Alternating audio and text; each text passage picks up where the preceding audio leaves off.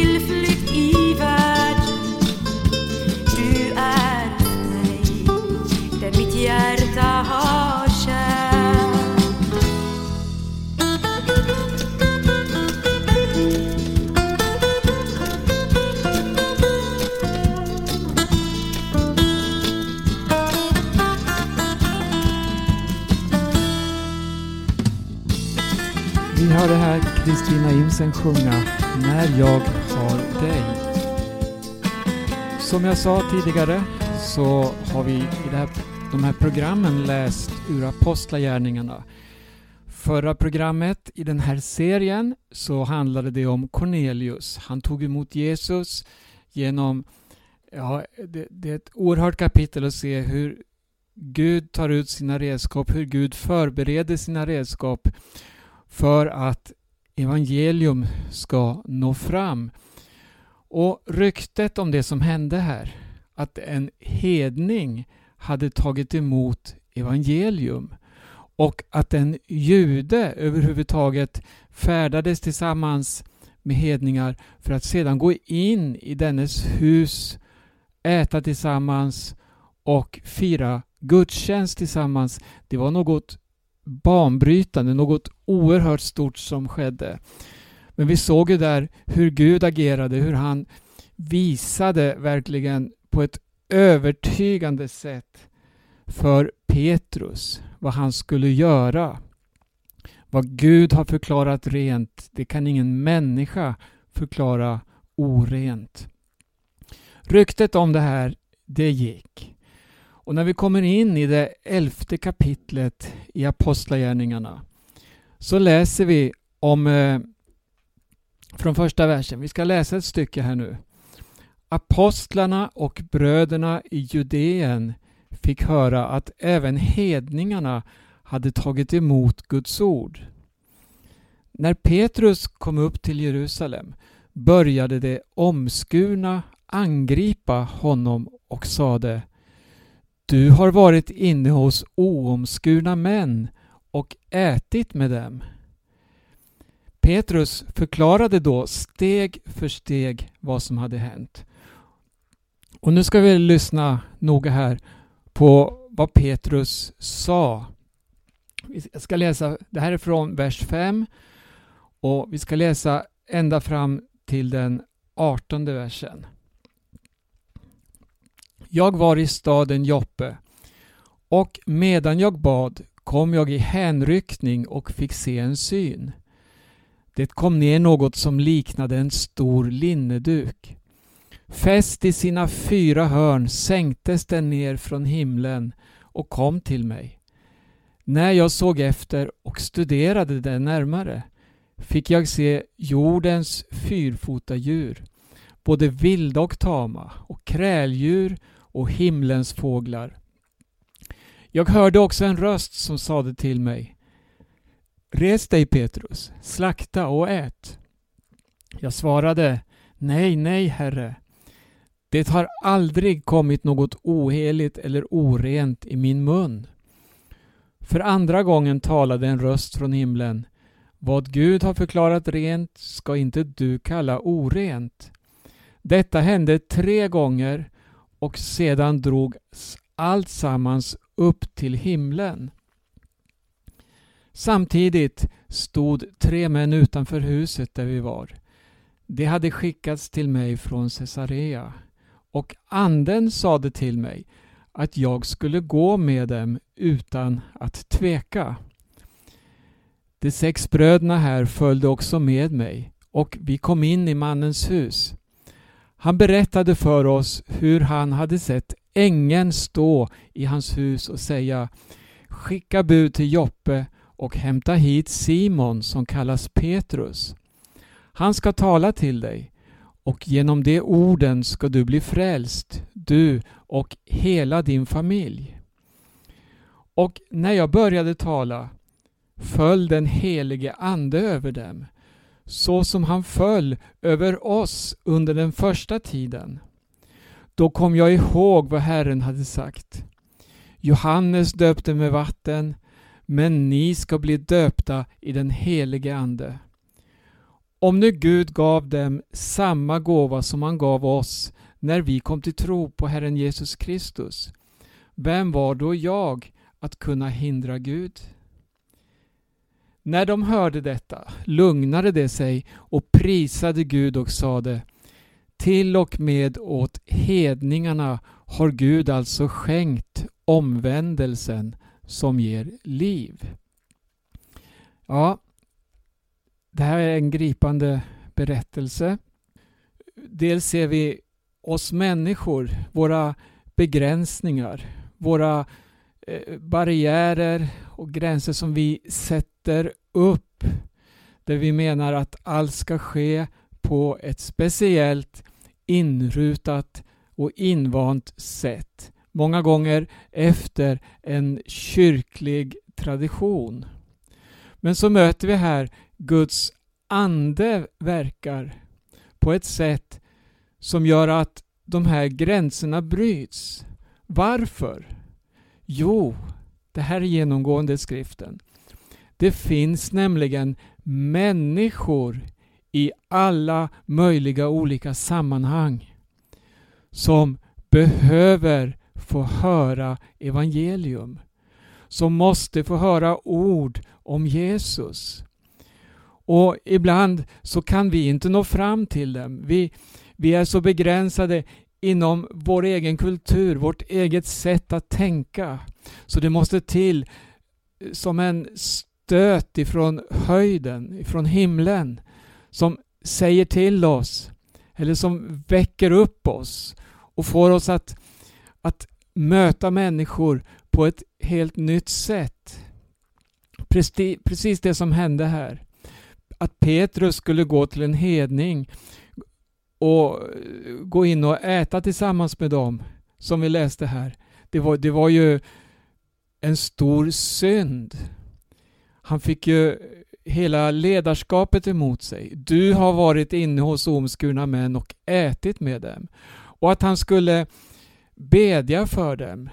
Att han skulle döpa dem och säga välkommen in i gemenskapen. Som bröder och systrar. Det var ofattbart, det var otänkbart. Men vad händer? Jo, den helige Ande kom över dem. Och som Petrus säger här, så som han föll över oss den första tiden. Och då kommer vi återigen eh, här att bli påminda om de ord som Jesus sa. Stanna i Jerusalem.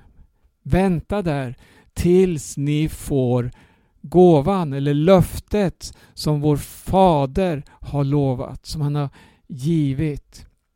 Det som handlar om att när den helige Ande kommer över er ska ni få kraft att bli mina vittnen. Det var det som skedde på pingstdagen. Då anden föll, då spreds evangelium på ett himmelskt sätt så att det nådde varenda människa i Jerusalem. På olika språk till och med. Och här möter vi något liknande. Budskapet skulle inte stanna bland det judiska folket. Budskapet skulle inte stanna i Jerusalem utan det skulle vidare ut över världen. Och det här möter vi så tydligt i det här kapitlet. Den helige Ande föll. Petrus blev överbevisad. Och när han nu fick förklara det här för församlingen så prisade de också Gud och sa till och med åt hedningarna har Gud alltså skänkt omvändelsen som ger liv. Vi ska fortsätta läsa och eh, det står som en mellanrubrik här i det elfte kapitlet på vers 19. Evangeliet når även hedningarna. Det var ju en förföljelse som ledde till att alla dessa vittnen spreds över Judeen, Samarien och över bygderna. Och så här står det, de som hade skingrats genom förföljelsen som började med Stefanus kom ända till Fenicien, Cypern och Antiochia. Och de förkunnade ordet endast för judar. Här möter vi det igen. Men så fortsätter det så här. Bland dem fanns några från Cypern och Kyrene. Och när det kom till Antiochia började det tala även till grekerna och förkunna evangeliet om Herren Jesus. Och Herrens hand var med dem och ett stort antal kom till tro och omvände sig till Herren. Antiochia var alltså en mycket speciell plats. Det blev som att fokus så småningom flyttades från Jerusalem till Antiochia. Antiochia blev ett center varifrån många vittnen skulle utrustas. Och därifrån gick sedan evangelium ut på ett mäktigt sätt över hela den då kända världen. Tänk på vad Jesus hade sagt i missionsbefallningen. Gå ut i hela världen och förkunna evangelium. Det som hände i Antiochia, många kom till tro. Det står så här i vers 22 att ryktet om detta nådde församlingen i Jerusalem och man sände då Barnabas till Antiochia. Om du har lyssnat på mina tidigare program så har vi talat en del om Barnabas. Om hur han har en sån enorm fadersroll, en herderoll i församlingen. Han tar sig an människor, han söker upp människor. Och han blev nu sänd till Antiochia. När han kom dit och såg vad Guds nåd hade gjort blev han glad och uppmanade dem alla att hålla sig till Herren av hela sitt hjärta. Barnabas var en god man, fylld av den helige Ande och tro och en stor skara fördes till Herren. Det handlar om Barnabas här. Han kom dit. Han eh, uppmuntrade, som han alltid gör när man läser om honom. Han vårdar, tar hand om. Och när han befann sig där så uppenbarligen började han tänka på Saulus, han som sedan fick namnet Paulus. För att då Saulus kom till Jerusalem som nyfrälst, då var det ingen som vågade ta emot honom. Han hade ju varit i Damaskus för att tillfångata Herren Jesus tjänare, hans lärjungar. Och där fick han möta Jesus till frälsning. Han blev en ny människa. Han började genast att förkunna evangelium om Jesus och han fick fly från Damaskus och så kom han till Jerusalem och sökte efter gemenskapen som fanns där, församlingen. Men ingen vågade öppna dörrarna för honom. Då står det att Barnabas tog sig an honom och förde in honom till apostlarna och till församlingen. Och från den stunden så kunde Saulus vandra fritt ut och in bland församlingen. Men Saulus han eh, var så frimodig och vittnade och överbevisade genom skriften att Jesus var Messias. Så att han blev en fara. Han på, på ett sätt retade upp fariseerna, de skriftlärde, sadduceerna. Det, det blev oro där han drog fram för att han lyfte fram namnet Jesus som namnet över alla namn. För hans egen säkerhet så sändes han till Tarsus. Och nu hade det gått, när vi läser här då i elfte kapitlet, så nu hade det gått ganska många år innan eh, Saulus då blev uppsökt igen utav Barnabas. Jag har för mig att eh, Saulus han, han var ungefär 14 år i Tarsus då vi inte vet så mycket om honom, vad som hände. Men Barnabas hade inte glömt honom. Han sökte upp honom och så står det i vers 26 så här. Han fann honom och tog med honom till Antiochia. Det, det, det här är en gripande vers. En gång till. Barnabas, han begav sig till Tarsus för att söka upp Saulus. Hör, han fann honom och tog med honom till Antiochia.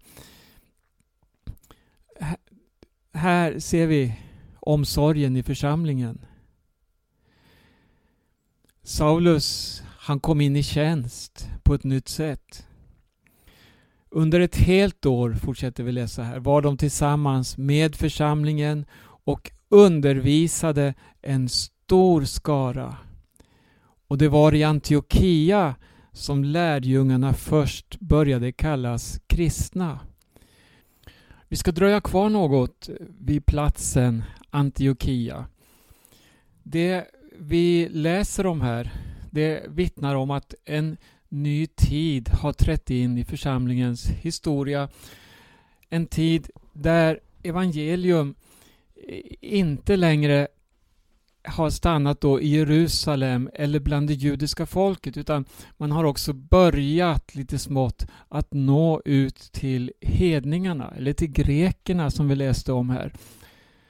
Men det är inte bara det att bibelordet här talar om att nå ut med evangelium utan det visar också på församlingen, på gemenskapen. Vi ska komma ihåg att de församlingsledare vi här läser om, Barnabas, kanske som ett stort föredöme, de var med i Jerusalem. De var med och gjorde nödvändiga uppbrott ifrån sitt sociala, ekonomiska liv. De var med och sålde sina ägodelar och delade med sig så att var och en skulle ges samma möjlighet i gemenskapen, i församlingen.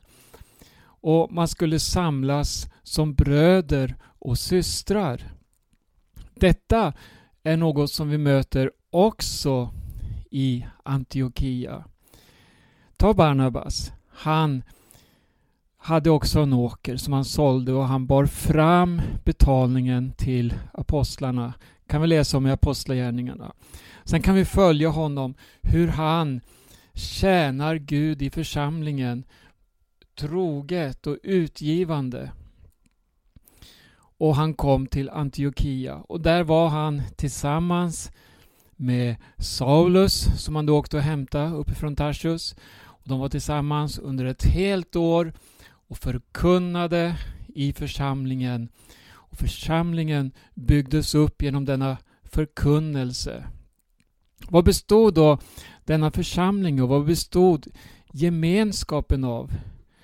Vi ska gå till Galaterbrevet och läsa om eh, visserligen vissa problem som fanns men det visar ändå på att det fanns en gemenskap som var långt mera än att bara samlas kring att lyssna till Guds ord. Det var något långt mera än att bara vara ute och vittna om Jesus. Då vi läser vad Paulus skriver till församlingen i Galatien så ser vi där att han tar itu med många svåra problem som fanns. Det hade förkunnats en gärningslära Någonting som handlade om att gärningarna leder till frälsning. Det handlade om omskärelsen bland annat. Och Paulus tar upp de här frågorna på ett väldigt allvarligt sätt och talar om att falla ifrån nåden exempelvis. Men det, är inte det som vi ska fokusera på den här stunden. Utan i den här problematiken som fanns så, så, så skriver Paulus om Petrus, eller Kefas som han kallades också. Han som ansågs tillsammans med några andra vara pelarna i församlingen. Och så skriver han om när Kefas kom till Antiochia gick jag öppet emot honom eftersom han stod där dömd. Innan det kom några från Jakob, alltså från församlingen i Jerusalem, där Jakob var ledare. Alltså den här judekristna församlingen kanske vi ska förtydliga. Då brukade Petrus, innan dess då, nämligen äta tillsammans med hedningarna. Eh, det här känner vi också igen då från den här uppgörelsen som var i samband med att Cornelius tog emot evangelium. Men, fortsätter Paulus här, när det hade kommit drog han sig undan och höll sig avskild av rädsla för de omskurna. Paulus fortsätter skriva Även de andra judarna hycklade på samma sätt så att till och med Barnabas drogs med i deras hyckleri. Men när jag såg att de inte var på rätt väg efter evangeliets sanning sade jag till Kefas inför alla. Om du som är jude kan leva som en hedning och inte som jude, varför tvingar du då hedningarna att leva som judar? Och Problemet här, det handlade om att man satt vid samma bord och åt mat.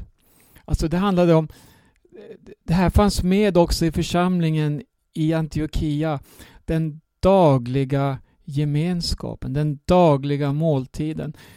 Församlingsgemenskapen, den var någonting mycket mera än bara det vi många gånger är vana med.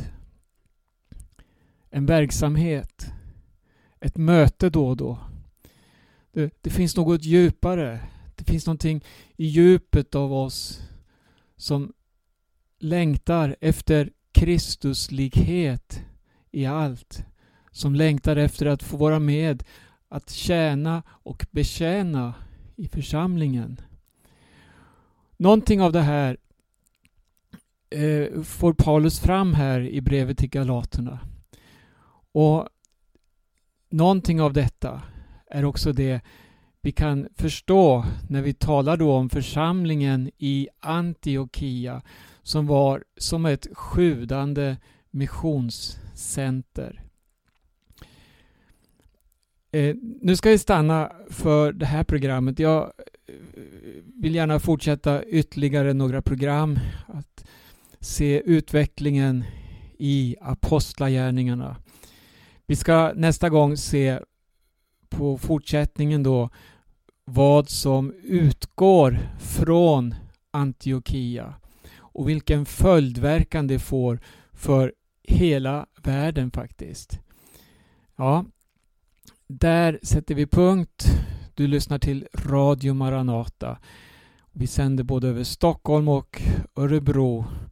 Och du är varmt välkommen att eh, besöka vår hemsida maranata.se. Där finns det ljudfiler att lyssna till och mycket annat. Och Du kan också eh, gå in på en annan adress som heter midnattsropet.se. I dagarna så är det en ny tidning på gång, ett nytt nummer som vi snart kommer då att skicka ut. Och beställ gärna en kostnadsfri prenumeration på tidningen Midnattsropet. Med det säger vi tack för oss. Jag heter Berno Vidén. Önskar er alla Guds rika välsignelse och på återhörande.